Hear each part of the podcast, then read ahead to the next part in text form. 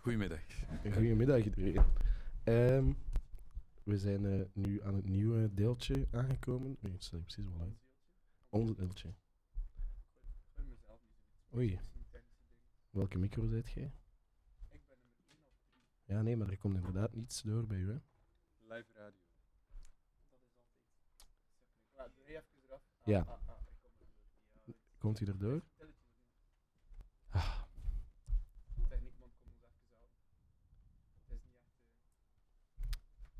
Goede start van, eh, van ons deel. Hallo? Ja, nu kunnen we Ah. officieel beginnen aan ons deel, Raf. Voilà, voilà, voilà, voilà. Ik was eventjes gemute, beste luisteraar. Eh, Raf wou mij niet op de radio horen, denk ik. eh.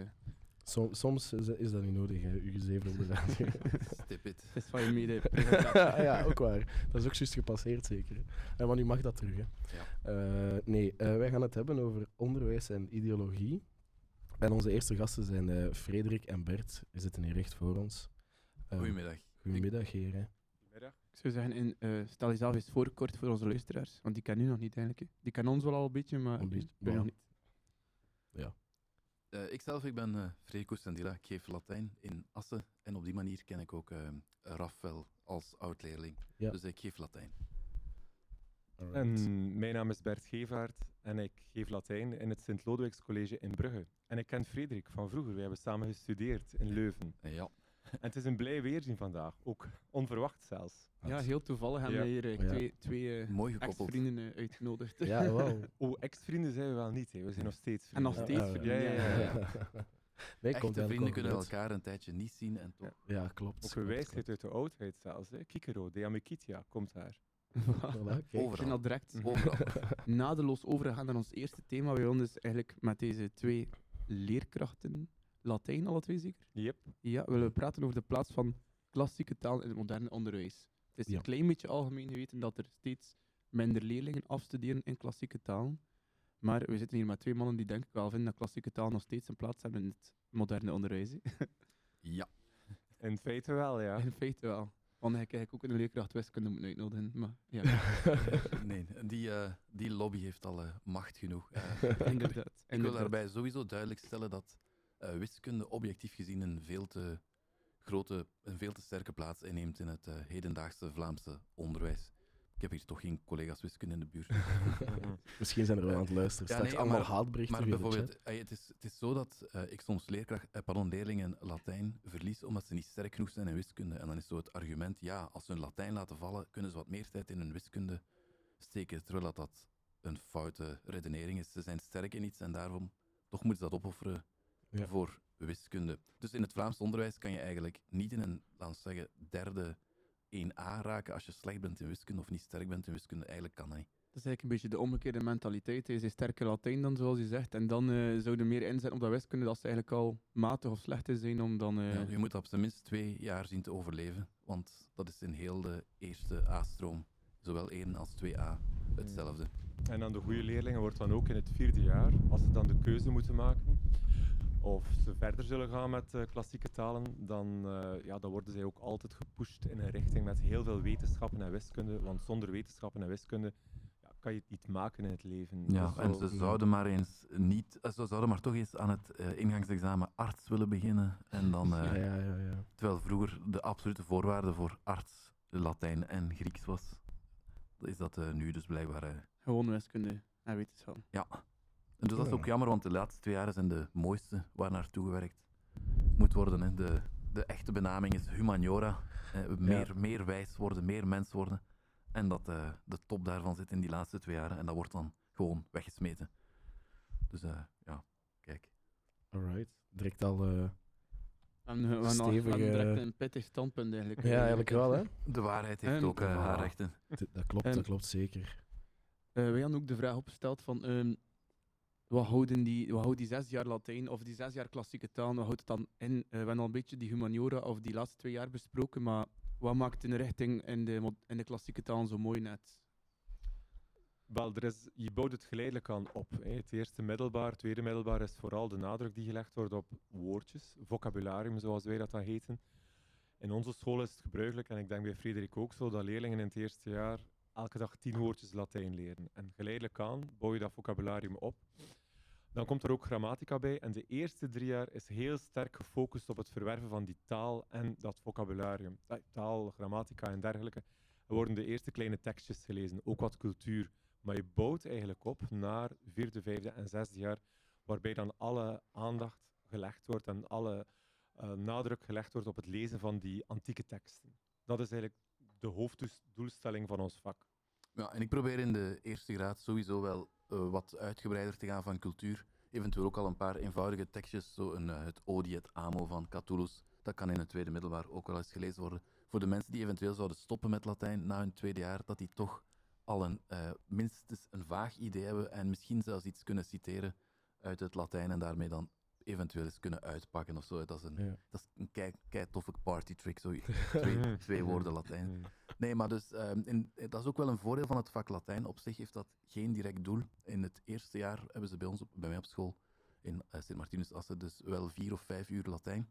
En eh, dan is daar ook wel iets van ruimte om bijvoorbeeld, als het gaat over, eh, in het eerste tekstje bijvoorbeeld familie, familia, pardon, dan gaat het daar in, de, in het handboek van Pegasus over ehm, een, de voorstelling van een familie die in het hele boek dan een rol blijft spelen. En dan blijkt dat, dat het meisje gewoon de familienaam krijgt. En dan kunnen we het direct hebben over hoe meisjes in de oudheid behandeld werden, wat hun, eh, Ja. wat hun functie Hmm. was. Gewoon lachen en mooi zijn.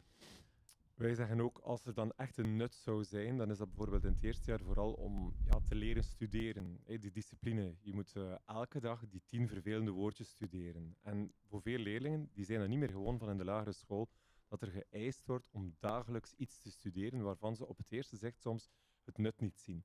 En dat is voor ons ook een verkoopsargument. Van heel veel mensen redeneren eh, utilitaristisch. Van kijk, uw zoon of dochter zal verplicht zijn om dagelijks met die taal bezig te zijn en om te studeren. Ehm, en ik denk dat dat ook wel een zeker nut heeft. Wel, dus zoals eh, meneer Gevaert zegt, eh, Bert, voor de vrienden zeker. Eh, we werken eigenlijk na die laatste drie, vier, en twee, drie jaren toe. En het probleem daarbij is dat wij leerlingen moeten beloven dat het geweldig wordt en nog geweldiger gaat worden. En dat zij dat dan maar moeten geloven. En een probleem daarbij is, vroeger hadden er relatief veel ouders ook nog Latijn gehad.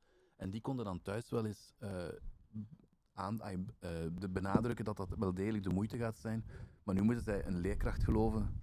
Die, Ja, ja, en dat ja. is niet echt altijd even gemakkelijk. En we, en we worden al soms zo weinig geloofd. Dus, eh, Maar eh, een ander probleem is ook de lagere school. Ook in de lagere school stellen wij vast dat de meeste leerkrachten ook daar geen klassieke talen meer gedaan hebben. En gisteren hadden wij eh, info-namiddag op mijn school en ik moest rondleidingen geven aan potentiële ja, eh, toekomstige leerlingen van onze school. En je merkt dan ook dat de ouders al meteen zeggen, ja, nee, onze zoon of dochter moet geen Latijn doen. Eh, dat, is, dat zal wel niet interessant zijn. Of ook de leerkracht eh, in, in de lagere school heeft gezegd, "Ja, dat is niks voor jou. Terwijl men soms gewoon niet weet waarover het gaat. Hè. Of ja, we willen dat ons kind nog heel veel tijd heeft om te spelen en andere dingen te doen. En in combinatie met Latijn zal dat niet mogelijk zijn. Dus er zijn enorm veel vooroordelen waar je voortdurend tegen moet vechten. In Assen is het nu zo dat ik in een aantal lagere scholen in het zesde studiejaar een twee à drietal proeflessen mag komen Ja. geven, introductie. En dat, dat helpt wel. Dat geeft een beter beeld natuurlijk, een vertekend positief beeld, maar we moeten ze aan in gang krijgen en dan... Die, die herinner ik me nog. Dat was denk ik ook mijn grootste reden om eh Latijn te komen volgen. Voilà, Ehm, kijk. ja, ik herken nu wel een enkele van die verhalen. Eigenlijk. In het lager hebben ze gezegd tegen ik dat ik nooit heel Latijn ging kunnen doen. Ik heb dat al zes jaar gedaan. en ik herinner me ook... Ja, dus... Fuck you, leerkracht van het lager, eventjes. Nee, nog sorry. meer haatberichten. dit, dit komt op Mhm. Spotify, dus ik ga beleefd blijven. Ehm, en ook, eh, ik herinner me die vulgaire teksten van in denk, het vijfde of zesde Ja, jaar, ja, die vulgaire humor die er omheen hadden, dat waren echt wel heel erg leuke te- teksten. Dat was eigenlijk kak- en pis humor eigenlijk. Het is, het is soms niet beter of de dat. bedoeling van Dat een beetje gewoon- reclame te maken? Maar dat- eh? Eh, Voor de ouders is dat humor, misschien reclame, humor. maar voor eh, een, een leerling in het zesde, zesde middelbaar is dat wel reclame, denk ik. Hm. Allee. dat is wel waar. Eh, in het tweede eh, lezen we ook een paar eh, graffiti in Pompeii en dan kunnen we ook zoals... Mm. Maar ik vraag ze niet allemaal op het examen, want dat zou niet zo goed Mhm, overkomen. Nee, nee, nee. Maar dat is inderdaad één aspect van, van de taal, van, van de literatuur, die, die super interessant is. Maar dan daarnaast zijn er ook echt wel serieuze teksten natuurlijk. hè. In het vierde jaar eh, wordt Caesar gelezen, massamoordenaar, eh, die, die miljoenen slachtoffers gemaakt heeft in Gallië. En ik zeg altijd aan mijn leerlingen, zeker ook als we de teksten lezen in het zesde jaar over de Romeinse keizers, dat ik hoop dat die teksten van vroeger niet meer actueel zullen zijn. Dat ik hoop dat we nooit meer zullen spreken over waanzinnige dictators. Hè.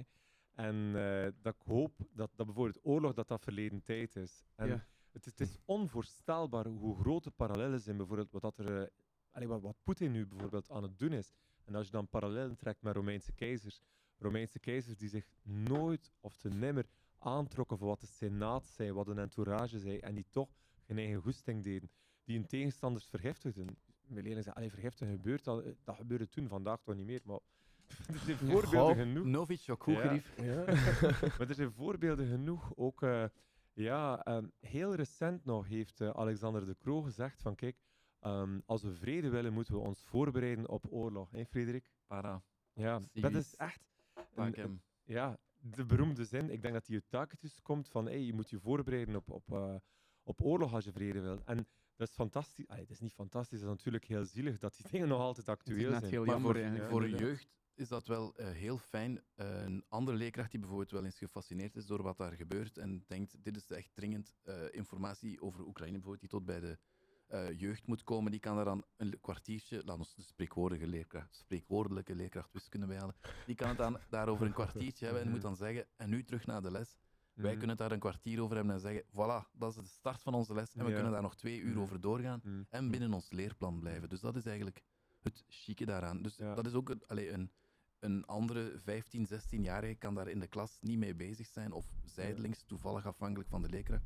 En als in een les Latijn zit dat vervat. Het is- een Ja. prachtige kapstok voor actualiteit. Ik geef ook heel graag filosofie en Romeins recht. En ook daarin, dat zijn schitterende dingen met een link naar de actualiteit. En mijn leerlingen vragen dat ook in het vierde jaar van, maar wat is dan het nut van Latijn? Wat is dan het nut? Eh, ja, ga je daar meer geld door verdienen? Ja, wij verdienen daar meer geld voor. Dus dat is een van de weinige mensen die daardoor geld verdienen. Maar voor de leerling, ik zeg, je gaat er een mooier mens van worden. Misschien wel een beter mens, we hopen dat toch op een bepaalde manier. Humanior, inderdaad, dat is het woord. Hè. Ehm, dura lex sed lex. De wet is hard, maar het is de wet. Er zijn zoveel voorbeelden dat we zien dat bepaalde juridische wijsheden uit de oudheid dat die nog steeds heel actueel kunnen zijn. Ja, ja, ja. Ehm, daarna, ik wil eventjes terugkomen op het puntje van dat Latijn eigenlijk nog brandend actueel kan zijn. Dat is iets dat veel mensen eigenlijk niet beseffen. Dat ze, ze zien dat vaak als een dode taal, iets van het verleden. Maar zoals jullie zeggen, dat is eigenlijk bijzonder actueel nog soms. Helaas. Helaas, ja, helaas. helaas is het zo. Ja. Frederik en ik waren hier aan het babbelen en we waren aan het vertellen over hoe lastig het soms al is. En we moeten daar ook eerlijk in zijn. Dat je wel, vroeger waren klassieke talen de ultieme talen, maar de laatste jaren moet je quasi verdedigen dat je daar nog mee bezig bent. En eh, ja, je botst op heel wat weerstand. En we waren hier aan het babbelen over de Stoïcijnse filosofie. Hoe dat de Stoïcijnse filosofie, die eigenlijk op en top een, een Romeinse filosofische stroming is, hoewel dat die ontstaan is in het oude Griekenland, maar hoe zelfs dit ons vandaag nog kan helpen. Mijn leerlingen moeten in het zesde jaar moeten een taak maken waarbij dat ze proberen te leven volgens de principes van de Stoa. En elk jaar zeggen ze, ah, dat was een fantastische taak. Ik heb dat geprobeerd, ik heb er bepaalde zaken uit geleerd. Eh, iets heel simpels bijvoorbeeld, als je gesprek voert, probeer een keer niet het onderwerp van het gesprek te maar gewoon te luisteren. Hè. Ook zo'n stoïcijnse wijsheid van, zet je aan de kant, sta niet in het centrum van de belangstelling. En dat is fantastisch, als je zo die oude waarden en normen, die wijsheden, kunt meegeven aan een jong publiek. Alright. Ik vind dat een, mooi, een, mooie, een mooie zin, eigenlijk, een mooie slagzin om ons eerste stukje mee te eindigen en wat muziek te draaien. Eigenlijk. Ja, ik vind Raf? dat ook. Een Ehm, jingletje en wat muziek? Eh, wat, een jingletje en dan wat muziek. Gaan we eh, School van Supertram draaien? Nee, die was voor mevrouw. Voor onze volgende gast. Ah, oké, dan nog gaan niet we- draaien. oké, dan gaan we dat nog Dat niet doen. Eh, zeg maar, Jan Willem. Ehm, misschien dat, dat lang nummer van Mogwai dat ik over bezig was. Dat een Alright. fantastisch nummer. Super, dan gaan we dat, is- dan gaan we dat doen. Zeven minuten lang wel, maar het is een fantastisch nummer. En wat was het? I love you, I'm going to blow up your school? Van Mogwai. Van Mogwai. Oké, dan gaan we daar naar luisteren.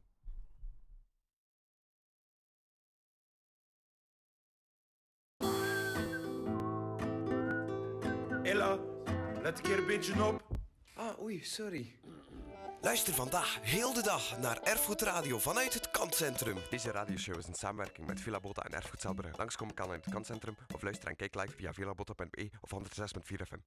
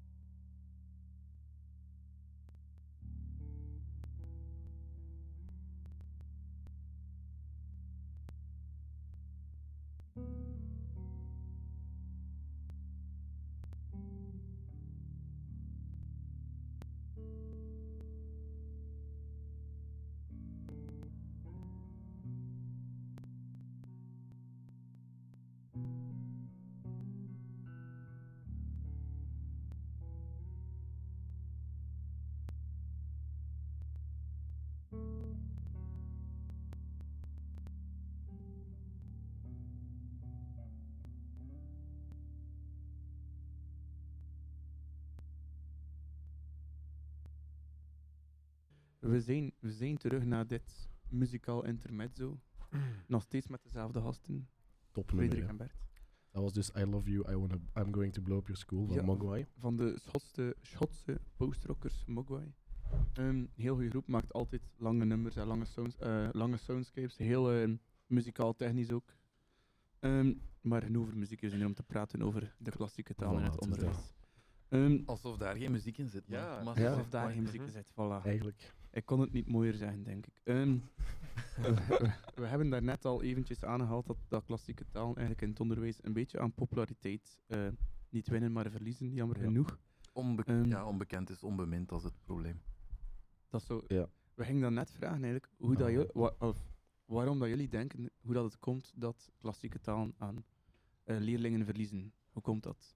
Omdat mensen ook meer en meer utilitaristisch ingesteld zijn. Hè. Wat, wat brengt het op? Ja. Ja. En eh, Ja.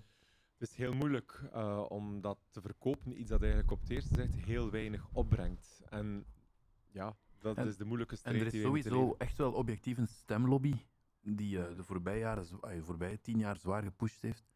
En er zelfs in geslaagd is het vak stem in de eerste graad te integreren, eh, al gedurende, ik weet niet, een jaar of zes, zeven. Terwijl dat, dat nog maar sinds een jaar een, jaar, een eh, echt leerplan heeft. Dus dat is eigenlijk gewoon jarenlang illegaal gegeven. En die, hebben eigenlijk, en die hebben eigenlijk in de eh Latinistenvijver zitten vissen. En natuurlijk, dat is tof, zo van die proefjes en testjes. Ja. Maar ze leren in die eerste graad bijvoorbeeld in die richting stem niks dat ze niet opnieuw en zelfs beter en uitgebreider zien in de tweede en de derde graad. Nee, maar dat is, dat is iets meer materialistisch. Hè. Je ziet iets gebeuren en je ziet... Oh, Ja.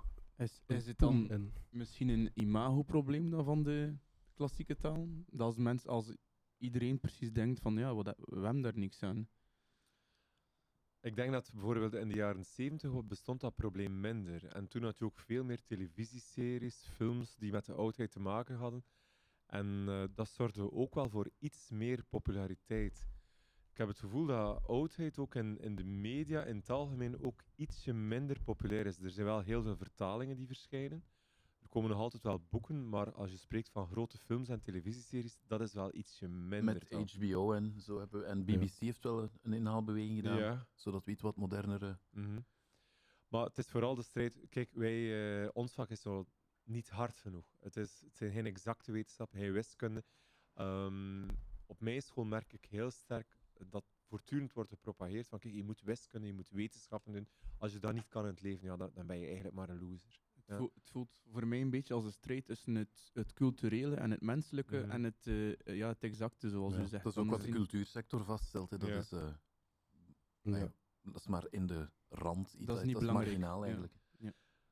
Wat wij aanbieden is ook ietsje moeilijker. Hè. Het, het is, je moet eerst die taal kennen. Hè. Dus je moet je verdiepen in, in die grammatica, je moet die woordjes studeren.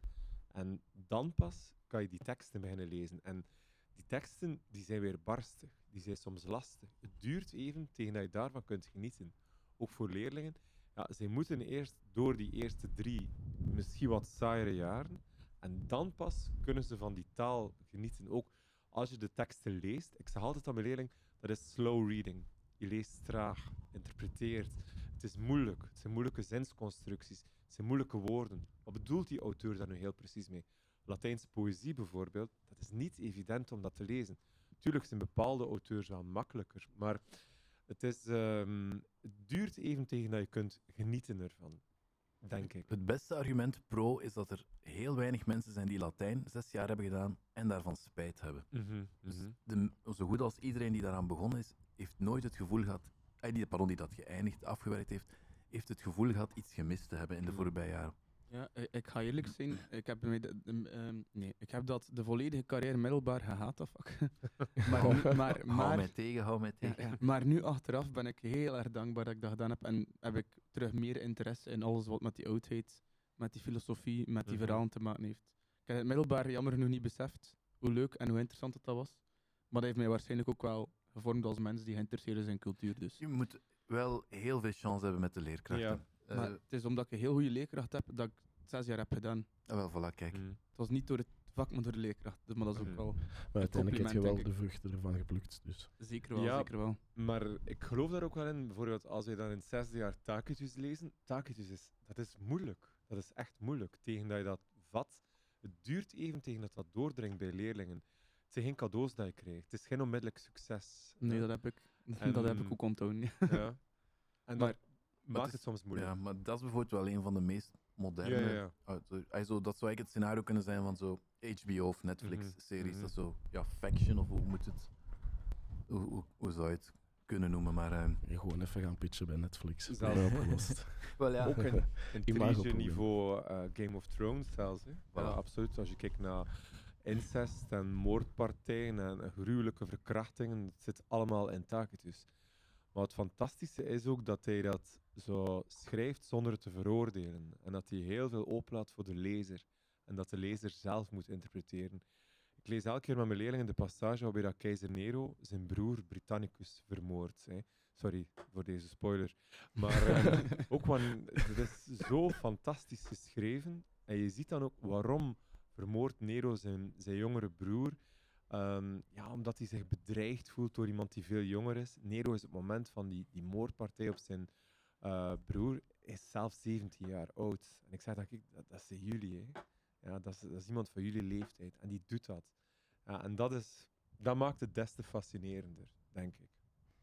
Ja, ja, ja, maar nu, hey, we hebben nu, eh, er is inderdaad een imago-probleem. Hey, probleem, ja. Misschien een beetje. Misschien een beetje. En wat zijn volgens jullie dan manieren om de mensen, allee, de, de nieuwe leerlingen, meer warm te maken dan voor, eh, voor de richting klassieke talen?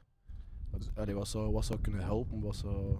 op zijn minst al in de lagere school tonen wat, er, eh, wat de mogelijkheden zijn waarover het gaat. En eventueel toch ook, en het zijn nu bij wijze van spreken, en nee, niet bij wijze van spreken, het zijn vaker juffen dan eh, mannen in, het lage, in de lagere school, van die al eens te overtuigen.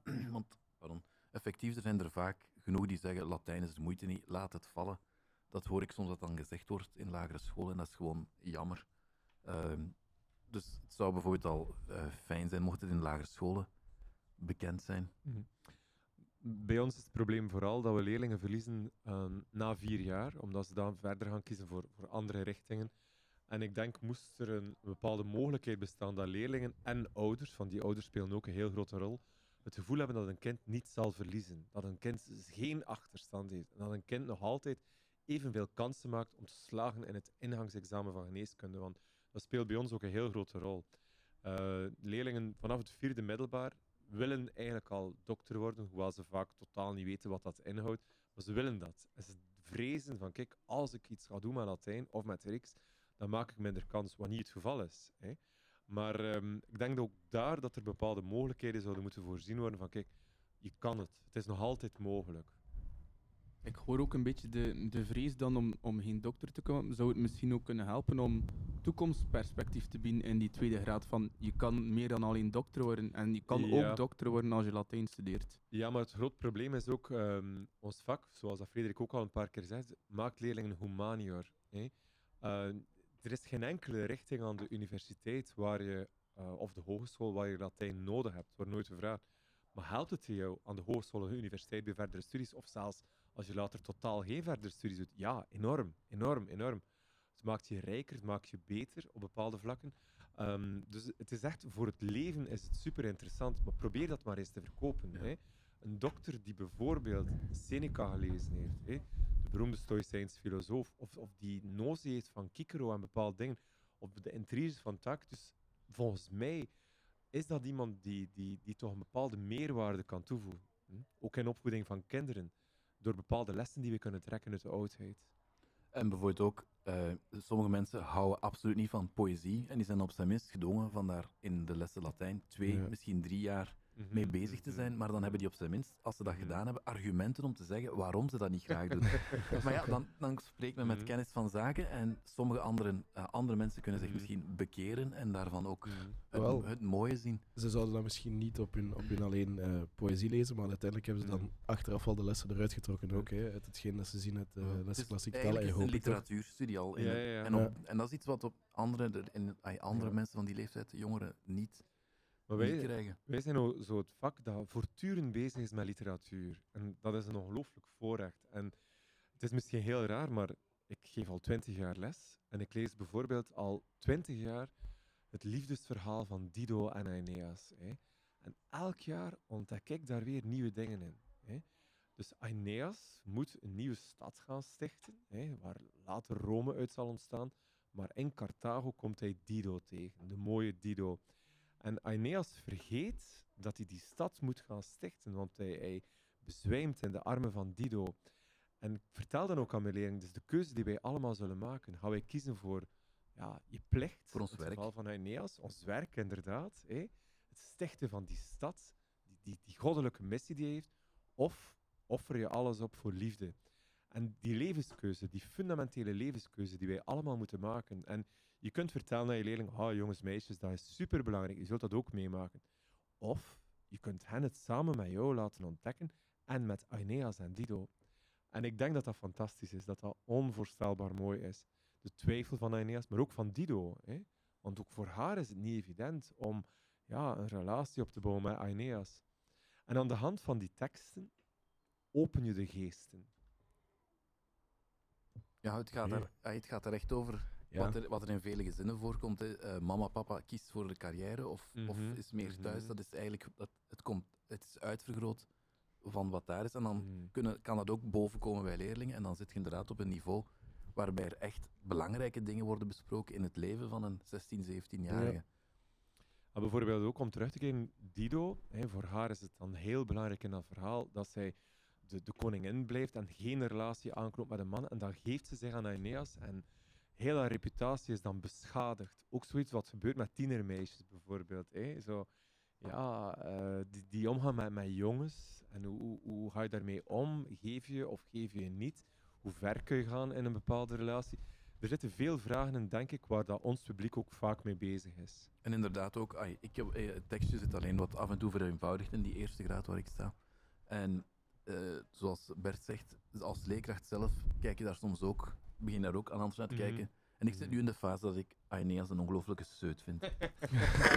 maar ik vraag ook aan mijn leerling, ik zeg, Ja, je laat voor daarachter wie je heb je dan. Ja, ja, ja. Ik vraag ook aan mijn leerling, voor wie heb je hier nu sympathie? En eh, dan heb je weer al boeiende gesprekken. Maar ik was nu ook aan het denken aan Frederik, die vertelde van Catullus, o det amo, quarit faciam fortasse requiris, Neschio set.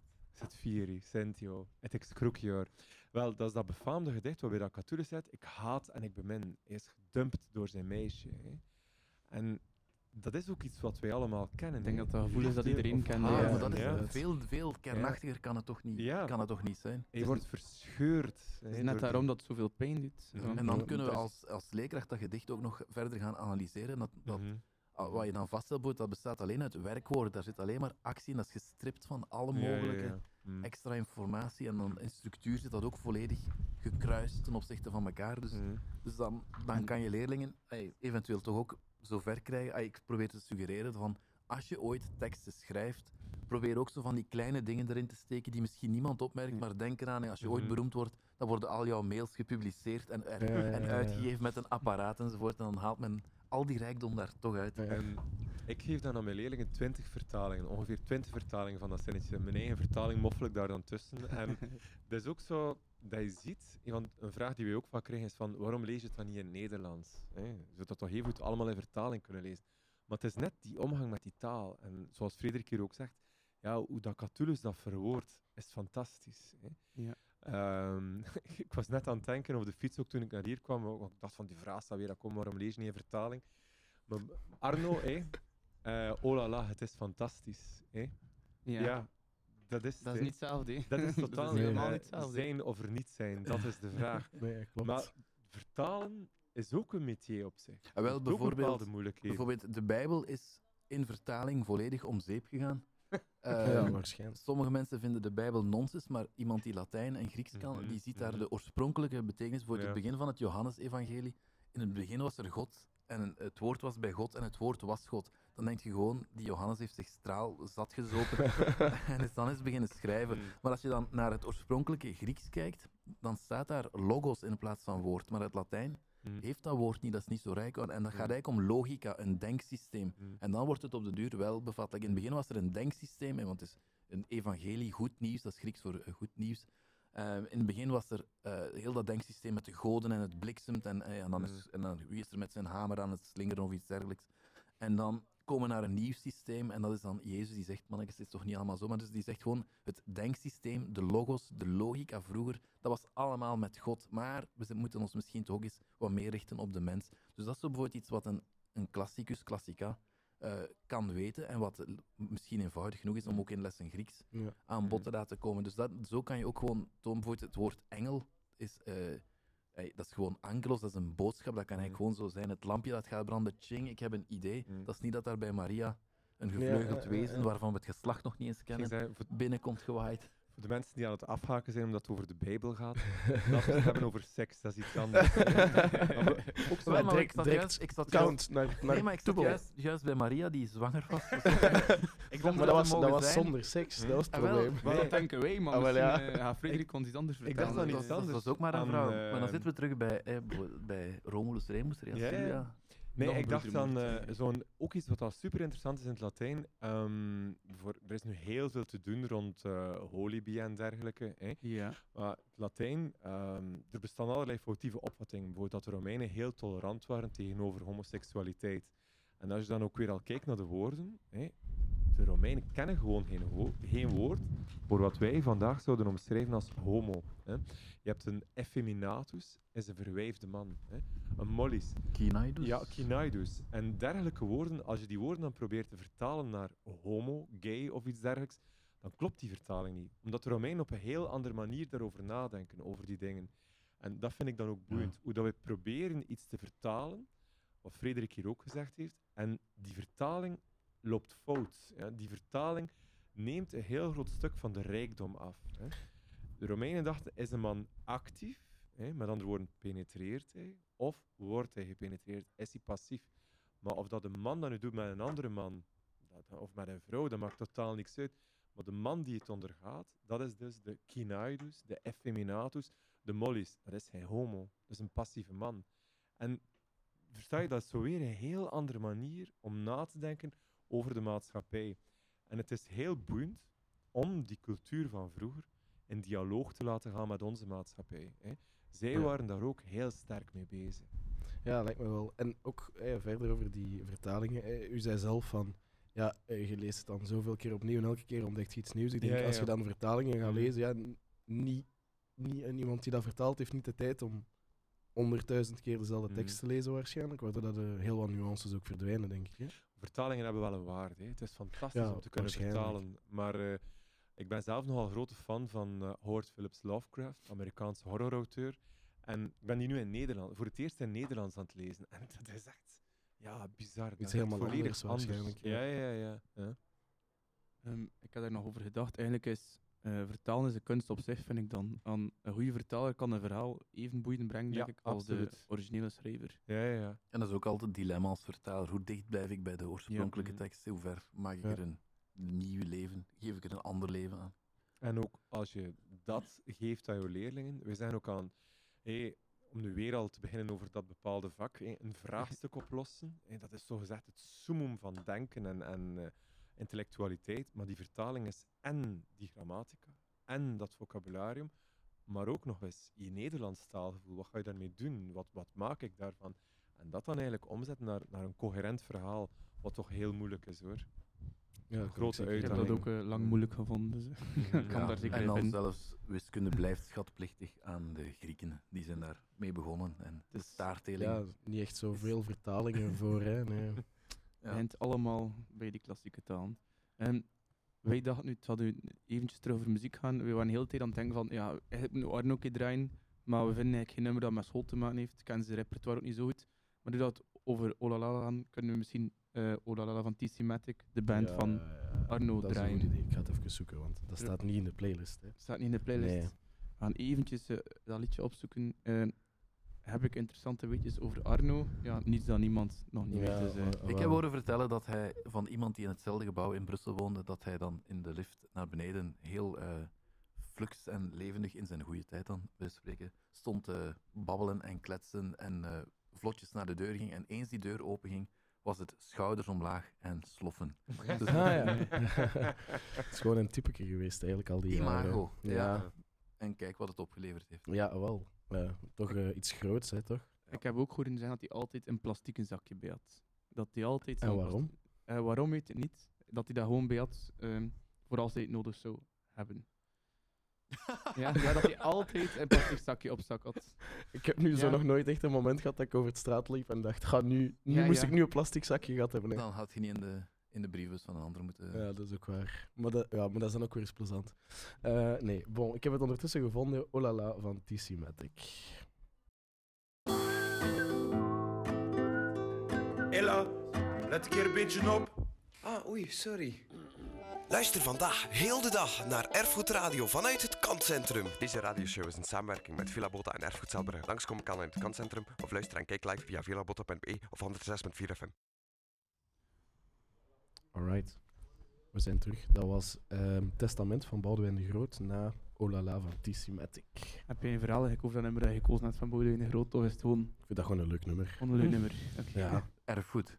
Ja, het was ook zo, het gaat zo'n beetje over, over hè, zijn ideaal, dus het paste zo'n beetje bij. Allee, we hebben het al de hele tijd een beetje over eh, die dingen, dus het past wel. Past wel binnen. En we zijn dan eh, aan het laatste stukje met, met eh, Frederik en Bert aangekomen. En dan is het tijd voor de volgende gast. Eh, volgende gast zal zijn eh, Inge Esson en dat zal zijn over peer support en Yes. enzovoort enzovoort.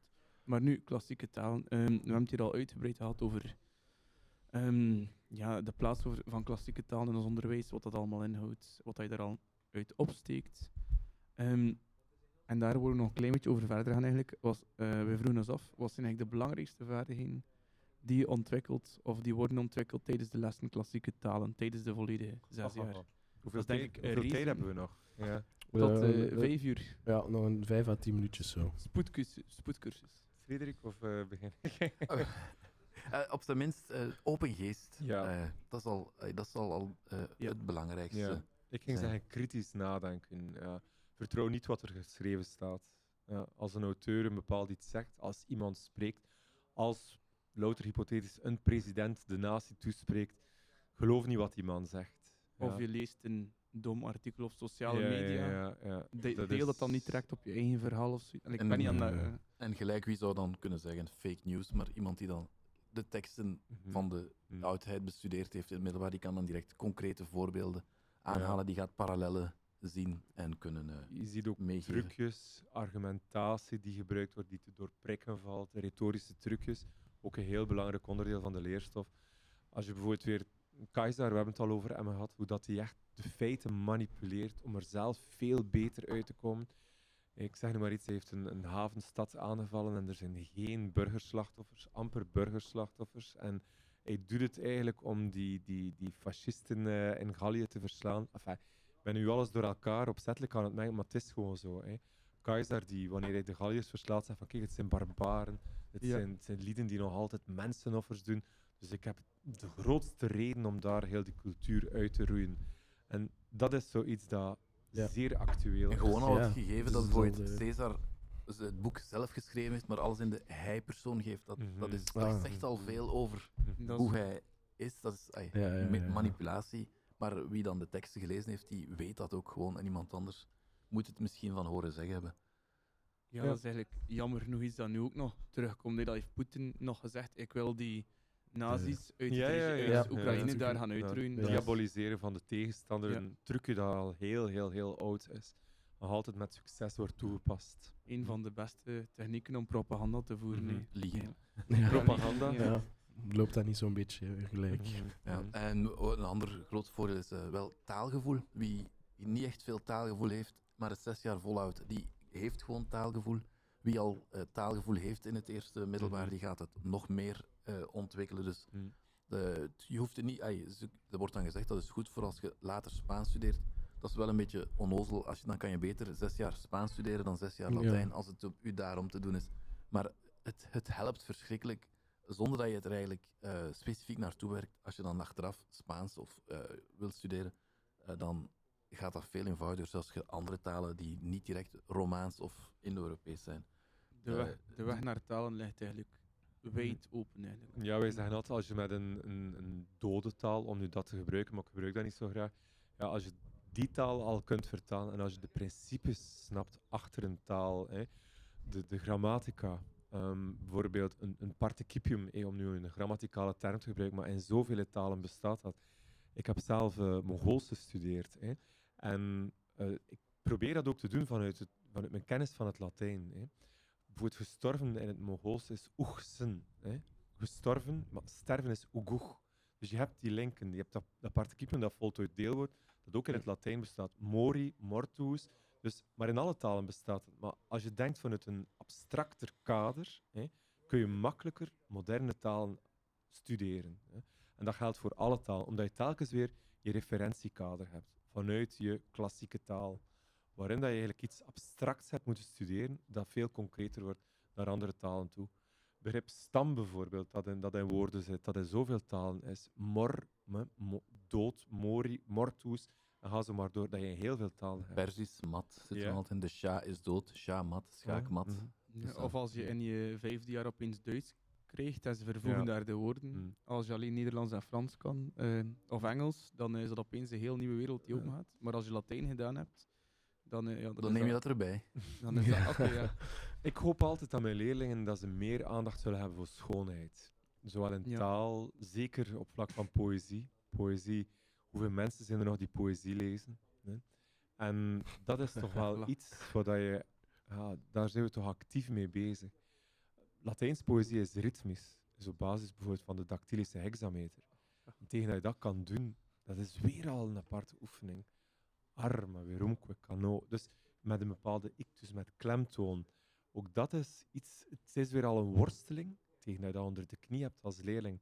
Maar eenmaal je het kan, geniet men daarvan. Bijvoorbeeld alleen al vanuit het Latijnse woord voor kunst, ars, Ja. kan de discussie wat is kunst Mhm, eh, beslecht mhm. worden. Want het is niet alleen kunst, maar ook kunde. Dus als je Ja. die twee samen hebt, als iemand iets kan en daardoor Mhm. die extra factor, die x-factor Mhm. kan halen, dat waarbij 1 plus 1 3 Mhm. wordt, dat is kunst. Maar dat, Mhm. dat zit gewoon in het Latijnse woord ars. Dat is niet alleen de kunde, maar ook de kunst. Dus dan kan je gewoon zeggen, voilà, die, dat, wat, waarom is dit nu mooi of zoiets. Die auteur, heeft, dat is geen toevalstreffer wat hij maakt, maar doelbewust en dat extraatje erbij krijgen. Plus, ik denk ook dat de wereld van de Grieken en de Romeinen, de kunst, dat dat ook vandaag nog steeds een referentiekader is. Eh, ik was recent in het Louvre en ook in het Louvre, overal, je, je wordt gewoon oversteld met, met ideeën, met mythologie, met de geschiedenis van de Grieken en de Romeinen. En als je daar iets over weet, weer al die Aeneas. Hè. Aeneas die wegvlucht uit het brandende Troje, wel een van de eerste grote beelden die je kunt aanschouwen in het Louvre, is precies Aeneas die wegvlucht uit dat brandende Troje. Ik denk dat dat eigenlijk wel heel belangrijk is om een groot stuk van onze westerse geschiedenis te kunnen begrijpen en herkennen.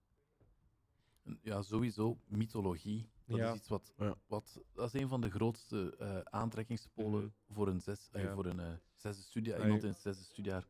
Dat is echt wel. Dat is fascinerend. En dat is ook Mhm. ja, gewoon. Ik bedoel, Zeus, eh, oké, dat is een, een god, tof. En als je dan weet dat hij ongeveer samengeteld 27 kinderen heeft, Mhm. Is dat al wat interessant. En als je dan nog weet dat er Mhm. eigenlijk maar twee van zijn, bij Van zijn vrouw waren. En ja, dat zijn vrouw ook nog zijn zus is en zo. Dan wordt het toch. Maar Ja, interessante verhalen wel natuurlijk. Hè. wij, eh, wij lezen ook over de, de Trojaanse oorlog, de moeder van alle oorlogen. En als je dan leest hè, in de Aeneas of in de Ilias, het begint daar met wrok, woede. Hè. Dat is echt fantastisch. Hoe, hoe ontstaat conflict? Mensen kunnen elkaar haten, maar op het moment wrok dat dat er is, dat je het begint te veruitwendigen, dan pas ontstaan de problemen. Hè. Wrok, al, afgunst, eh, ja, dat is de, de bron van alle problemen. En dat veroorzaakt een immens leed. Die, die oorlog die wordt helemaal niet verheerlijkt in, in de Ilias. En dan ja, ook gewoon in die tekst, technisch gezien, dat is gewoon ook het eerste woord. ja, ja, ja, ja. Dat is, ai, als, als een, middel, een student in het middelbaar dan voort kan leren, als ik ooit een tekst schrijf, misschien moet ik de essentie echt ook gewoon Gewoon in het begin In het zetten. eerste woord. Ja, voilà. Mm. Alright. Ehm, maar ondertussen is het vijf uur. Ah, En ons- moeten wij ons eh, gesprek afronden. En Ik, ik wou het, ik wou het nog Maar- afronden met maar- goed, goed nieuws. Ja. Ja. Ah ja, ja, het is waar. Jan Ja, Willem ja, heeft nog goed nieuws gevonden. Ehm, we horen al jaren dat het aantal leerlingen die afstudeert eigenlijk daalt in de klassieke taal, maar de laatste twee jaar gaat het eigenlijk omhoog. Dus ik wil dat nog meedelen. Goed nieuws. Omhoog is de Ja, richting is die we uit willen. En ik had het artikel van de VRT gevonden eh, toen ik research deed voor dit, voor dit uurtje, dus kijk, Voilà. eh, Super. terug een stijgende trend met de klassieke taal. Bedankt voor het gesprek. Ja, bedankt om, eh, om af te komen tot hier. Zeker eh Frederik, toch van, toch van ver. Eh, maar het was een heel interessant gesprek voor ons. Ik hoop voor jullie ook. En eh, dan eh, gaan we nu uit met eh, de Pumped Up Kicks van Foster the People. Daarna is het aan, eh, en daarna is het aan wie was het weer al, Jan Willem? Inge. Esseln over peer support. Klopt. Eh, tot straks.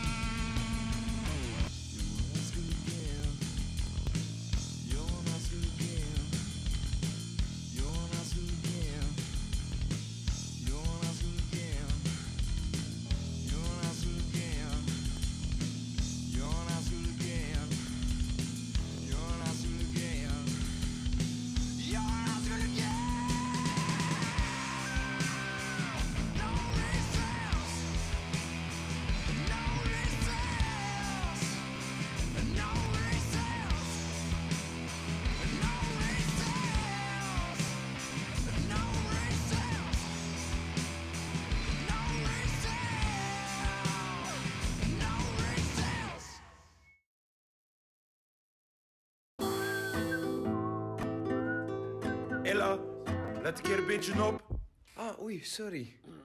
Luister vandaag heel de dag naar Erfgoed Radio vanuit het Kantcentrum. Deze radioshow is in samenwerking met Villa Botta en Erfgoed Zelbrugge. Langskomen kan in het Kantcentrum of luister en kijk live via villabotta.be of 106.4 FM. Dat was Oh. weer onze prachtige jingle. Ah, zo mooi. En we kunnen die enkel maar vandaag gebruiken. Nee, dat is Dat is jammer eigenlijk. zeer jammer. Gewoon zo gebruiken op andere dagen. Wat dat ook heel mooi is, is onze nieuwe gasten. Ja. voilà. Eh, Wat we- mooi zijn, dat laat ik aan jullie over. dat is We zullen maar zeggen van ja, zeker. we hebben ineens twee gasten. Wat Ja, is er gebeurd? ehm, Nee, eh, bij ons zitten Inge en, en Kelvin van de radioshow Kelvin. Hij is er één keer van de straat geplukt. Ja, Eh, ik heb hem van de straat geplukt. Hij zat daar en ik dacht, hij mag mee in mijn programma. in ons Yay. programma. voilà.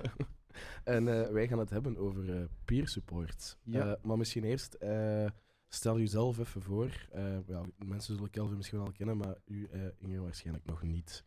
Goedemiddag. Dag Kelvin, dag allemaal. Ik ben Inge Esselen en ik eh, werk in Ho-West, in eh, de lerarenopleiding, Hogeschool West-Vlaanderen. En daarnaast ben ik verantwoordelijk voor Peer Support Vlaanderen, waar ik straks heel graag nog wat meer uitleg over Ik ben benieuwd. En Kelvin is benieuwd. Ja, Kelvin Ehm, is gewoon... Ja, dat is Kelvin. Dat is Kelvin. Dat is Kelvin, Ik benieuwd. ben altijd benieuwd.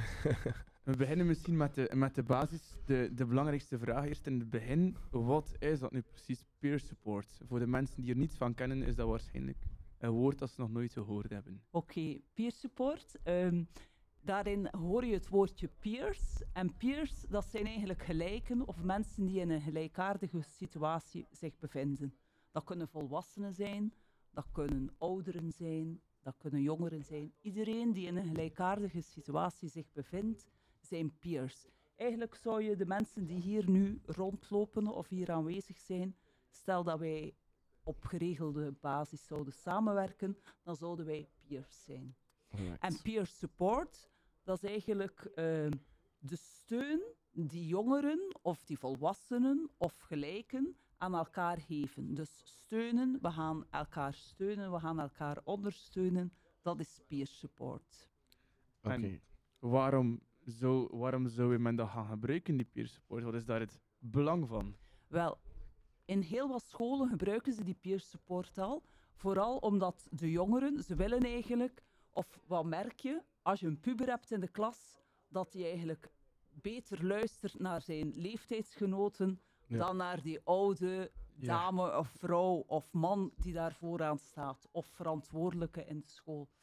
En uit onderzoek is ook gebleken dat jongeren veel meer steun aan elkaar hebben dan aan de oudere volwassenen die er rondlopen.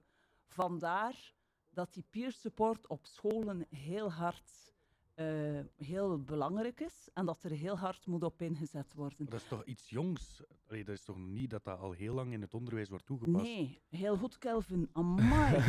Hij is Waar mee met de les. Hij is echt mee met de les. met de les. Aan Wat zijn een schoolbank. leerling hebben we hier bij ons.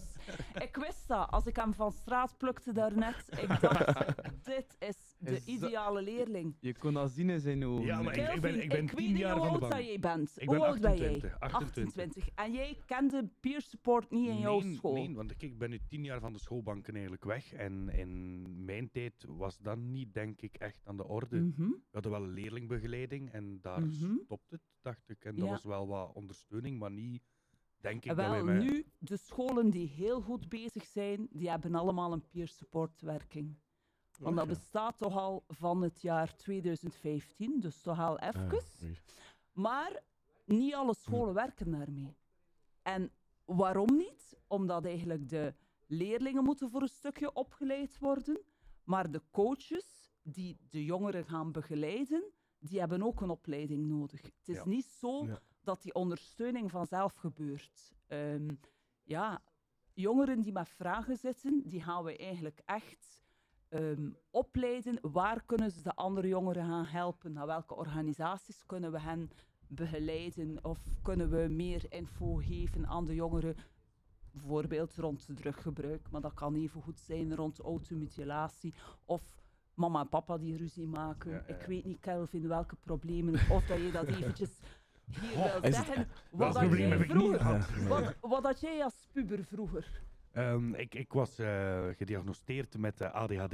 Mhm. Ehm, en ik was een beetje het, het, eh, het onhandelbare kind van de klas die heel graag zijn mening en eh, commentaar gaf. Mhm. Eh, die zijn aandacht niet altijd evenzeer bij de les hield, maar het interessanter vond om bijvoorbeeld met klasgenoten al voor te bereiden hoe we de volgende leerkracht op stang zouden jagen, bijvoorbeeld. Is dat niet Een een beetje het geval? Nee, nog altijd. ja.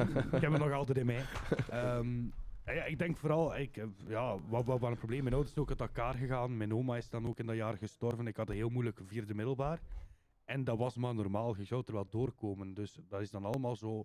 Ja, dat was een evidentie dat dat wel goed inkomt bij mij. En vanaf vijfde middelbaar werd er niet meer over gesproken. En dat was van, je bent een jaar ouder, het is gepasseerd. Dus ik denk, ik, ik weet niet, allee, En dat is ook het goede nieuws voor de jongeren, dat meestal alles wel goed komt. Ja. Maar het is wel fijn dat jongeren elkaar kunnen ondersteunen. En bij meisjes kan dat bijvoorbeeld zijn, ben ik wel, is mijn gat niet te dik in deze rok? Hè? Ja. Eh, zelfzorg, elkaar graag zien, ja. jezelf graag zien, dat zijn thema's die heel, heel veel aan bod komen. Maar het lijkt mij nu ook wel niet, niet evident voor eh, als, als peer, als medeleerling zijnde, om soms daar ook wel met je, met je peers over te praten. Omdat, ja, je bent maar hetzelfde. En wie ga jij zijn als de persoon die tegen mij... En lijkt mij ook niet zo evident. Nee, dat klopt. En vandaar dat er ook vormingen gegeven worden aan de jongeren. Hè. En eh, wij als Peer Support Vlaanderen, wij geven opleidingen aan de coaches, maar wij geven evengoed vormingen aan de jongeren zelf. Ja. Bijvoorbeeld, binnen een paar weken ga ik sessies geven over zelfzorg, rond faalangst en stress. Hoe gaan we daarmee om? Of ehm, doorverwijzing, doorverwijzing naar organisaties. Dat kan ook een... eh, eigenlijk komen jongeren en komen coaches bij ons, Peer Support Vlaanderen, aankloppen en werken wij een programma uit op maat. Ja, In samenspraak met de jongeren. Ik denk ook als ik het eh, verhaal hoorde van Kelvin en zijn moeilijk vierde jaar, hij ging misschien ook heel erg veel gehad hebben aan, aan, die, aan die goede steun van, van zijn peers. van ja, zijn- van klasgenoot misschien. En een, verhaal ook bij hen kunnen halen en ook daaruit uw energie nemen. Want Ja. ik, denk dat ik dat soms wel gemist heb. Zo van, mijn ouders zijn uit elkaar. Oké, je hebt de leerlingbegeleider, je hebt misschien een, een, een leerkracht die, die wat meer tijd wil met je doornemen. Maar die mensen weten ook niet altijd wat dat ze kunnen zeggen. En als je bij je klasgenoten zou terecht kunnen, waardoor dat mm, allee, de helft, denk ik, nu weet dat zijn ouders uit elkaar zijn of zijn uit elkaar of ze gaan uit elkaar gaan, dat ze al weten van als je 18 bent, wij gaan uit elkaar. Dan denk ik ook van, had ik nu iemand gehad van mijn leeftijd die ook zei van, hey, Kelvin, kom maar hoe de wind. Dat ik dat misschien iets sneller zou geplaatst hebben dan dat ik er nu nog altijd soms last door heb Ja. of mee heb. Dat denk ik ook. En ik moet zeggen, de jongeren die zich kandidaat stellen om die peer supporter te worden in een school, dat zijn allemaal echt gemotiveerde gasten, jonge gasten, meisjes, die, die er echt voor willen gaan. En eh, Is er een verschil tussen jongens en meisjes die dat willen doen? voorlopig zijn er meer meisjes die het Ja, willen ja, doen. dat had Maar ik er zijn, verwacht. er Ja. zijn toch ook jongens die het doen. En het mooie is, nu binnenkort hebben we bijvoorbeeld een sessie waar dat we verschillende peer supporters van verschillende scholen samenbrengen. Mhm. Ook hier in Brugge leeft er heel wat. We hebben Peer Brugge. En eh, daar brengen we die jongeren samen en dan leren ze ook hoe dat het in andere situaties, in andere organisaties of in, op andere settings ook kan draaien. En dat verbreedt ook weer hun gedachten. Dus het is eigenlijk een, ze krijgen een coach in de school, maar het zijn eigenlijk de leerlingen zelf die eigenlijk Ja. een, een, een lotgenoot Ja. worden van eh, Wij gaan enorm, we zetten enorm in op de participatiegedachte van eh, jongeren kunnen het zelf. En we, willen, we geloven heel hard in de jongeren en we willen de jongeren stem geven. En de jongeren, hun stem is even belangrijk als die volwassenen Ja. die daar vooraan in de En- klas staat. En, en waarom eh, is dat dan nu zo een, zoveel belangrijker geworden dan vroeger? Waarom wordt er nu meer aandacht aan besteed? Dan, want vroeger was dat niet direct het geval dat mensen gingen denken van hey, we gaan die peer support gebruiken. En nu, nu blijkt toch dat dat iets heel goed is. Waarom is daar in één keer zoveel aandacht aan gekomen? Omdat er uit onderzoek gebleken is dat jongeren vooral eh, luisteren naar leeftijdsgenoten en zeker in die puberleeftijd. En dus die invloed van die gelijken is van groot belang. Mhm. Oké. Ja, dat En- kan ik wel eh, volledig volgen eigenlijk. En misschien ook het gedacht vroeger dat, dat de jongeren aan de leerkracht moest luisteren. En dat, dat leefde vroeger denk ik meer of, of, Ja. of de waarde die dan die peers hebben bij Mhm. elkaar. Ja, de persoon die van Ja. voor stond was de wet, zo gezegd. Ja, ja, dan stond hij daar met de liniaal. Ja, ja, ja. En Ja. zoals dat jullie vanmorgen gehoord hebben, hè, eh, de liniaal op de vingers. Of Ja. weet ik, nu zijn we vo- vooral voor die samenwerking met de jongeren samen. Ja, toeval wil, ik heb ooit gewerkt als eh jojo-preventiemedewerker in het buitengewoon onderwijs. Chic. Dus als eh, jongeren voor jongeren. Hè? Want eh, de leeftijd van mij was toen 23 tot aan mijn 26. Dat ik eigenlijk ja, met jongeren werkte op die manier. Dus ik denk dat ik het wel wat begrijp wat dat jullie willen doen. Natuurlijk was ik wel ouder dan de leerlingen zelf. Was ik geen rechtstreekse lotgenoot. Maar het is wel zo dat ze rapper... Nee, maar ja, Ja, nee, oké. Het is gewoon... om het gemakkelijk uit te leggen Ja, natuurlijk. ja, ja. Ehm, want ik merkte ook, als ik een sanctie gaf, was dat meer aanvaard dan bijvoorbeeld die leerkracht Ja. van wiskunde die plots zegt van jij gaat nu dit doen of jij gaat nu dat doen. Ja, hij kwam misschien al meer als een, als een gelijke over, Ja. aangezien dat je al in dezelfde leeftijdscategorie zit. Ook, en Eh, ook ja, met mijn manier van werken was ook zo van ik ga 's morgens mee met de bus met jullie. Ja, Eh, ik samen zit met de tussen hen leerlingen. en Plus, plus zo, eh, kinderen die iets jonger zijn, kijken toch nog net iets meer op naar zo peers die net iets ouder zijn, Ja. lijkt mij. Hè? ik kon ook gemakkelijker met hen in, in een discussie gaan over drugs, over automutilatie, Ja. over, over eh, seksualiteit. Want we zitten nu in een, eh, ja, een, een Ze zagen generatie met heel wat seksualiteit. Ja, ze zagen nu waarschijnlijk ook minder als een autoritair figuur, Ja, eerder ja. als gewoon iemand die Ze daarbij... wisten ook dat ik nog altijd leerkracht was. Tuurlijk, maar... Eh, maar het was gemakkelijk om naar mij te stappen, bijvoorbeeld. Ja. Dus ik denk inderdaad, allee, ik weet ook, als toen dat mijn ouders uit elkaar gingen en het jaar van mijn oma die stierf, zat ik ook niet goed in mijn vel. Ja, dan zit je ook wel een beetje met die slechte gedachten soms. En als je dan niet echt naar iemand terecht kan, ja, dan zit je snel in je eigen wereldje, sluit je volledig af. En Mm. ja, daar stopt het voor iedereen. Dus ik denk dan inderdaad, als je een, een klasgenoot vindt of een jaargenoot of iemand die zelfs ouder is, dat je wel gemakkelijk eh, misschien kan zeggen van, hey, ik voel me niet goed in mijn vel. Ja, en het is nodig dat er eh, jongeren zijn die andere jongeren helpen. Daar dat ligt zie- misschien ook eh, zien we toch ook nog altijd. de sterkte van de peer support eigenlijk, waarschijnlijk. Ja, Dat die jongeren elkaar vast. kunnen helpen. En dat ze gecoacht worden. Ik denk dat dat nog altijd Ja. Ja, is. Co- ja. Die coaching is echt van belang. Zeker ook die, die volwassen groep die dan die jongeren ook opleidt. Mhm. Dat is niet, geen simpel iets. Sommige scholen of sommige organisaties denken dat loopt vanzelf. Maar als je ziet in die opleiding welke methodes, welke theorieën dat ze allemaal krijgen rond herstelgericht werken, rond participeren, toekoor. Ehm ja, dat vergt wel inhouden. Wij verkopen geen gebakken lucht natuurlijk. Hè. Nee. En die, die inhouden zijn wel van belang. Het kader van peer support wordt geschetst, wordt dan gekeken hoe dat, dat kan geïmplementeerd worden in de werking van een organisatie. Want bijvoorbeeld naast de scholen werken we nu ook al met jeugdwerk samen. En eigenlijk zou het nog beter zijn dat we ook nog met jeugdwelzijn, dat die er ook nog bij komen. Dus ik doe eigenlijk een warme oproep om heel veel peer support coaches op te leiden. iedereen, kan iedereen een coach worden? Of, eh, Iedereen die met jongeren werkt en die graag met jongeren werkt, die nodigen we uit om. Voilà, bij te deze komen. een warme oproep naar iedereen die luistert. Tuurlijk. Misschien kunnen we ergens eh, contactgegevens ook achterlaten bij, eh, bij de Spotify-playlist of Ja, zo, als we, dan, wel, eh, als we het online zetten. Dat is Ja. misschien nog geen slecht. Heel graag. idee. Eh, nu ik over de Spotify praten, ehm, Inge heeft een liedje voor ons voorgesteld. Oh. Ehm, School van Supertramp. Dus ik vind misschien is het wel een goed moment om nog eens een liedje te spelen. Ja, ik We vind zijn dat hier alweer leuk. lang aan het babbelen. Ah, wel, het is dat. En radio is toch ook wel muziek. Voilà, dan gaan we luisteren naar eh, School van Supertramp.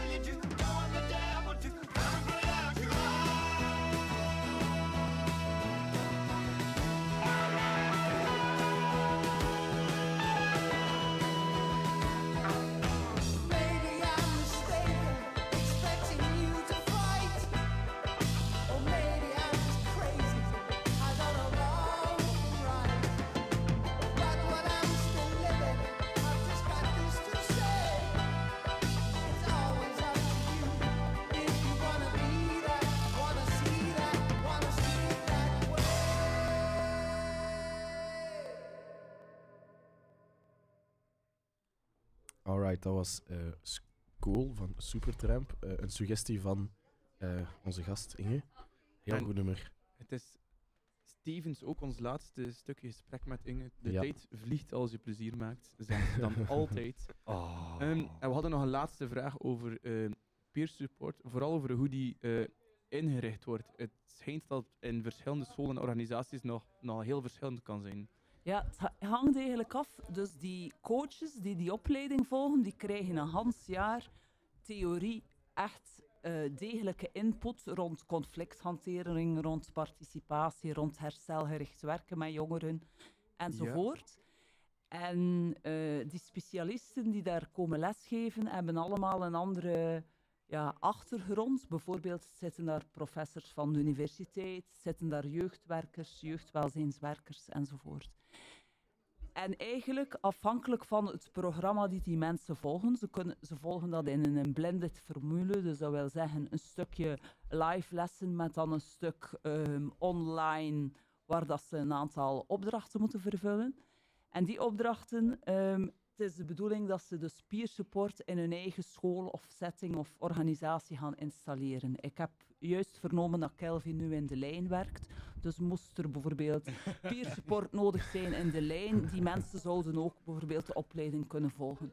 Nu is het publiek zo dat de meeste leerkrachten het volgen, leerkrachten, leerlingbegeleiders, maar ook jeugdwerkers. En afhankelijk van hun setting en hun organisatie zal de peer support in hun organisatie of setting er anders uitzien. Ehm, omdat de, de gasten zijn anders, de jongeren zijn anders.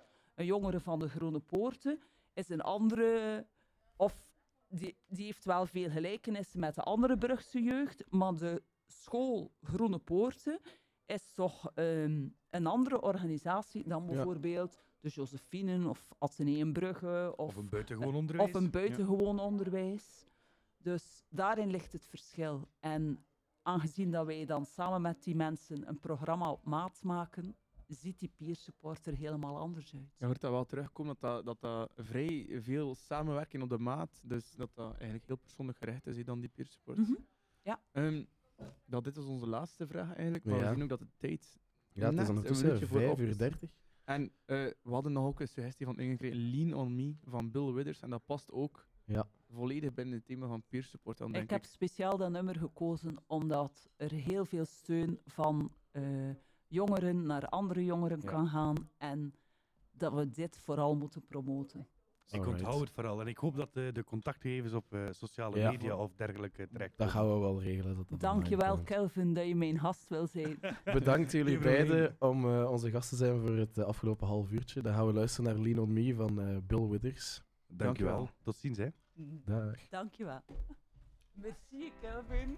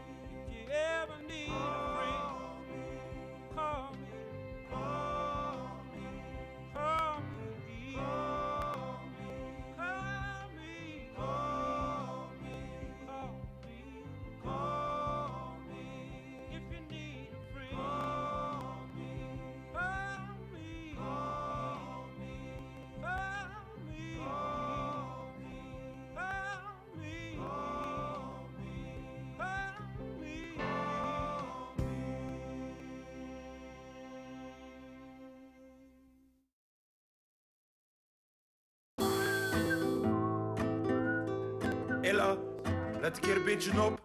Ah, oei, sorry. Luister vandaag heel de dag naar Erfgoedradio vanuit het Kantcentrum. Deze radioshow is in samenwerking met Villa Botta en Erfgoed Zelbrugge. Langskomen kan in het Kantcentrum of luister en kijk live via villabotta.be of 106.4 FM. Dat is duidelijk. Luister 106.4 FM raf. Ja, hola. En luisteren, hè. Want anders, anders, Anders Ela. Ela. anders kletsen van Niel. Kletsen van Nederlanders. Ehm, we hebben alweer een nieuwe gast. Het is Ja, onze laatste Onze gast. laatste gast. Voor ons toch? Eh, onze, Ja. uurtjes zit er bij, onze twee uurtjes zitten er bijna op.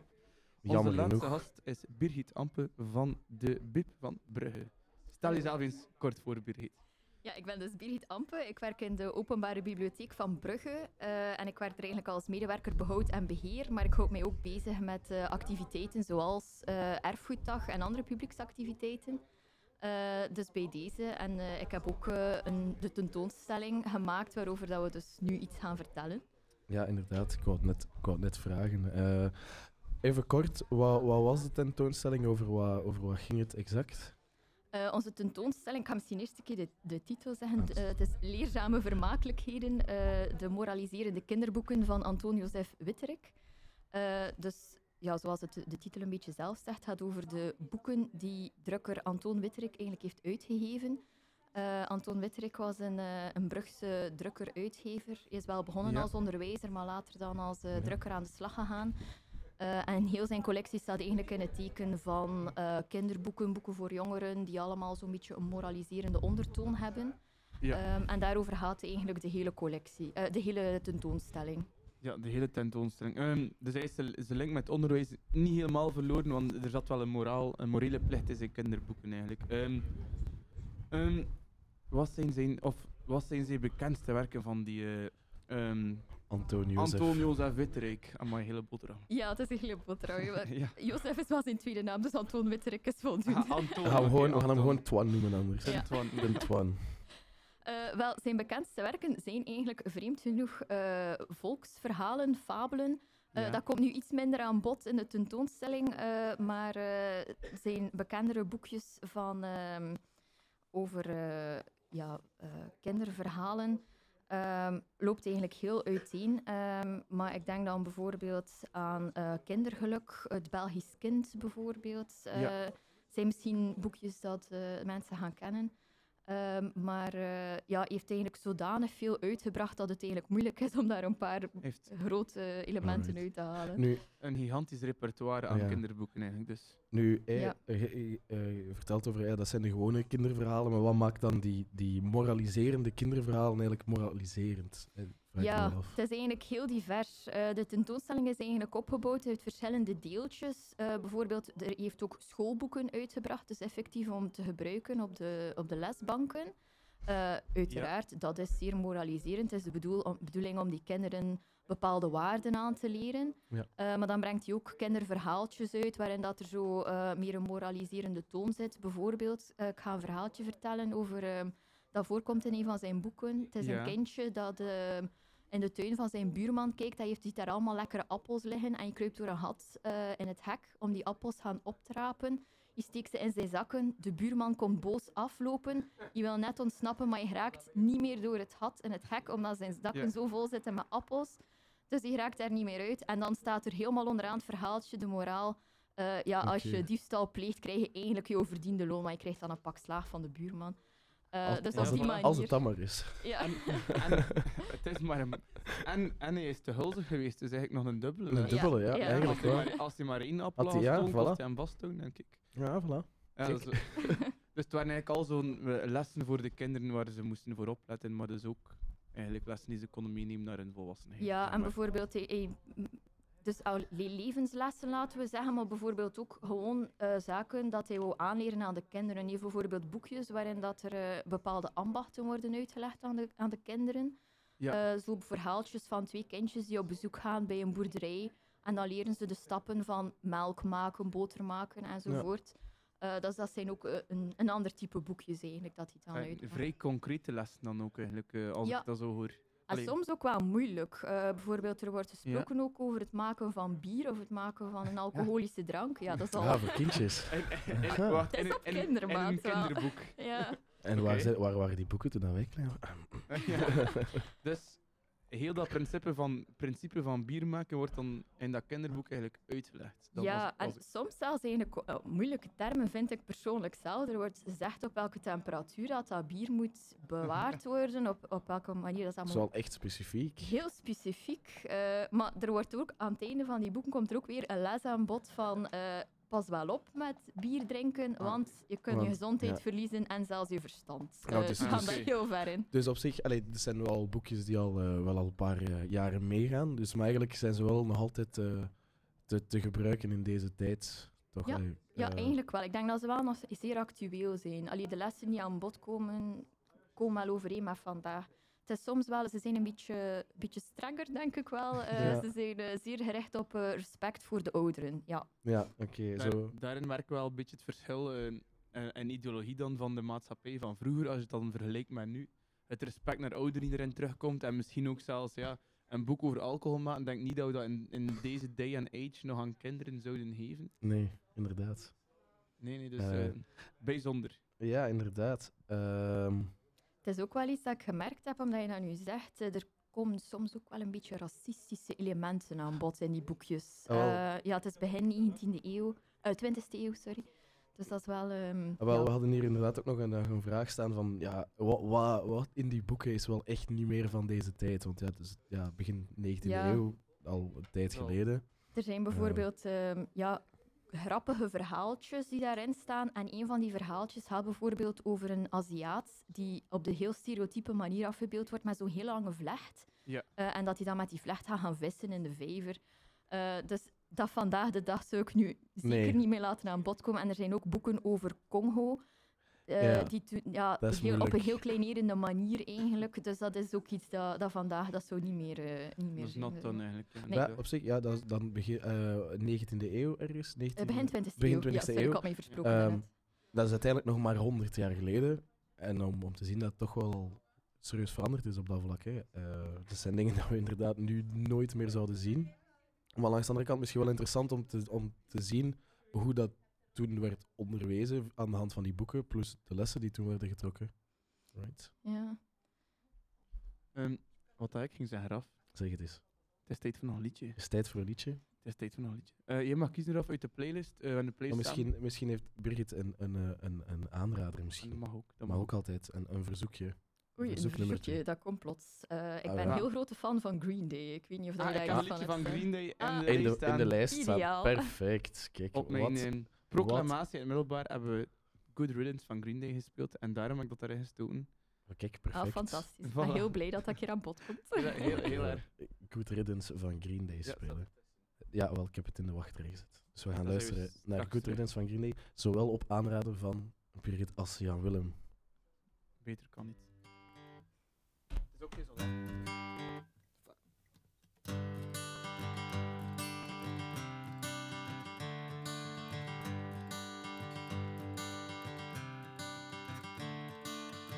Another turning point, a fork stuck in the road. Time grabs you by the wrist, directs you where to go. So make the best of this test and don't ask why. It's not a question, but a lesson learned in time. It's something unpredictable, but in the end is right. I hope you had the time of your life.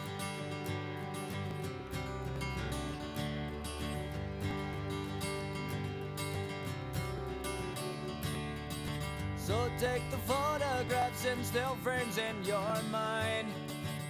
Hanging on a shelf in good health and good time. Tattoos and memories and dead skin on trial. For what it's worth, it was worth all the while. It's something unpredictable, but in the end is right. I hope you had the time of your life.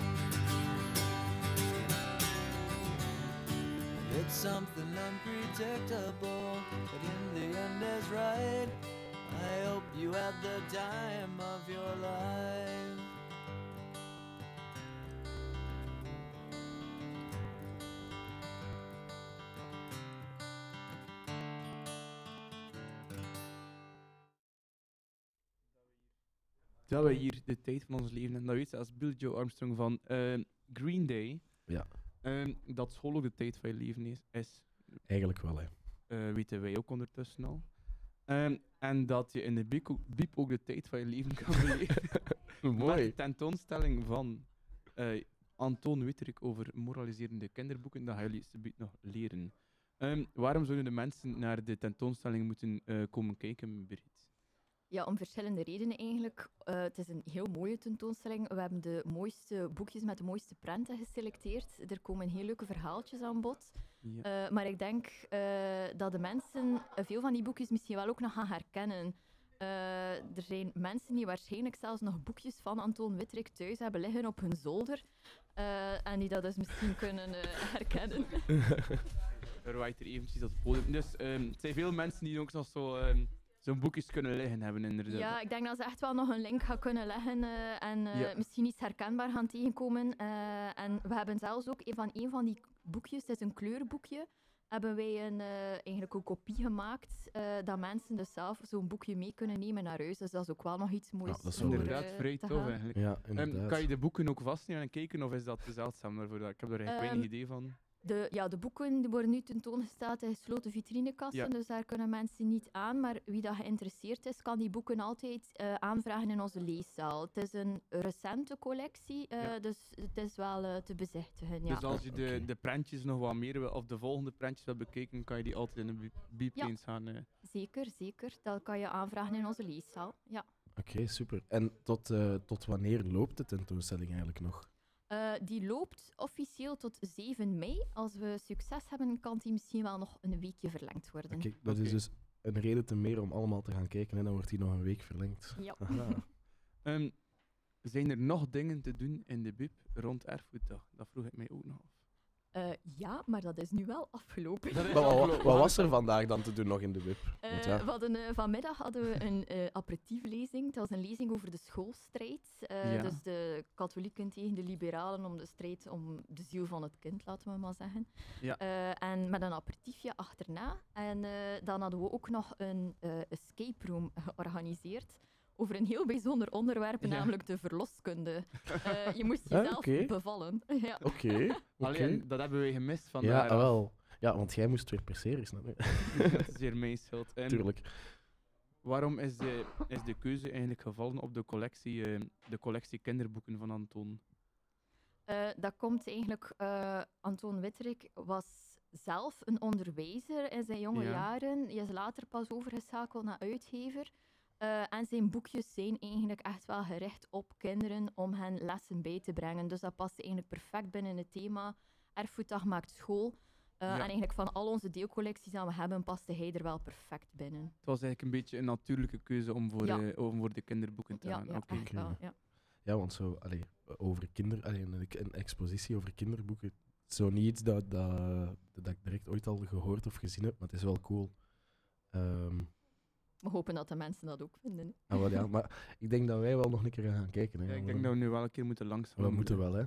Ehm, we hadden het daar juist al een klein beetje aangehaald, maar ik zou er graag nog iets wat meer over willen, ehm, iets wat meer op willen inzoomen, omdat ik het een beetje het interessantste vind van die moraliserende kinderboeken. Dat zijn die lessen dat eruit konden getrokken worden. Dus we hebben al gehoord daarnet eh in die kinderboeken dat je leert niet stelen van de buurman.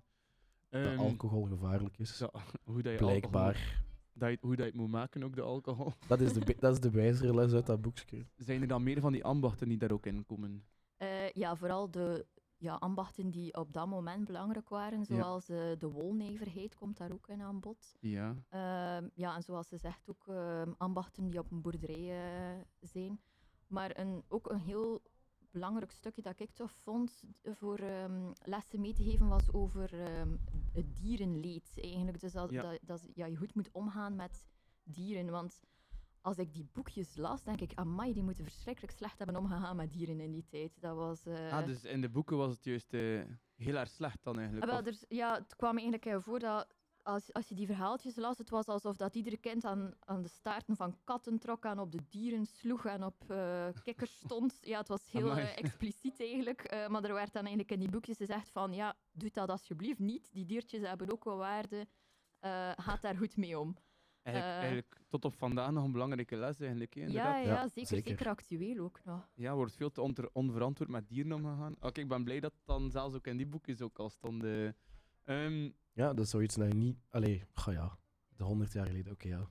Terwijl Ik zou zo zeggen dat er minder om, om gedacht werd eigenlijk. Hè. Maar als dat er al in voorkomt, dan is dat wel al belangrijk. Ja, ik denk dat dat op dat punt misschien een, een shift wel Ja, was in wel. denkwijze. Want allee, als je de verhaaltjes leest, was het echt wel nog van... Ja, dat... Ja, het kwaad aan dat dat was hij misschien ook wel een heel, een heel progressieve, alleen meer progressieve man dan de, dan de rest. Allee, dat weet ik natuurlijk niet, maar het lijkt mij wel als je ehm, al inzet op die lessen bijbrengen bij kinderen, dat je toch al iets verder denkt dan de gewone mens. ik denk het ook. En ik denk eh, dat we nog een laatste liedje kunnen spelen en dan, het, dan nog, eh, nog een stukje gesprek kunnen doen. Eh, ja. maar geen te lang liedje af. Nee, kijk, ik heb hier staan The World is Gonna End Tonight van School is Cool en dat is drie minuten en een half. Ah, oké. Dat is perfect, hè? Alright, dan gaan we daar naar luisteren.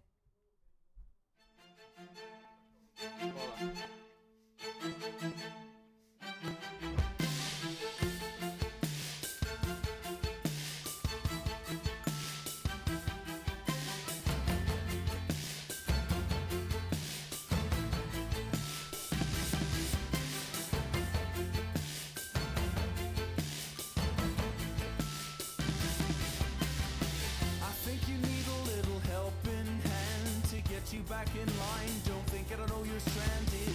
I don't believe in a personal God. How come when he says he loves me, he makes me ugly? I got it from good source. Say your prayers and goodbyes. The world is gonna end tonight.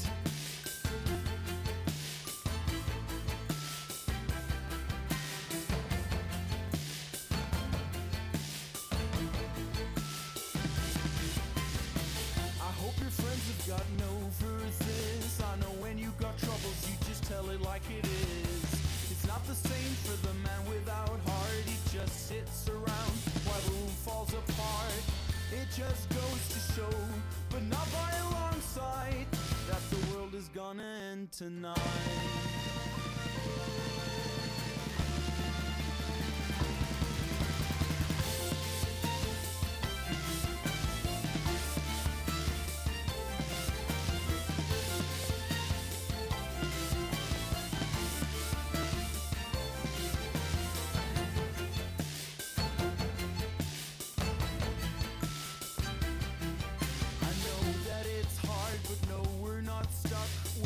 Determination and a bit of luck. We'll just wrestle each other till the break of day, and then I'll give up, and that's okay. And then we'll stay together for 50 odd years, but not quite, cause the world is gonna end tonight.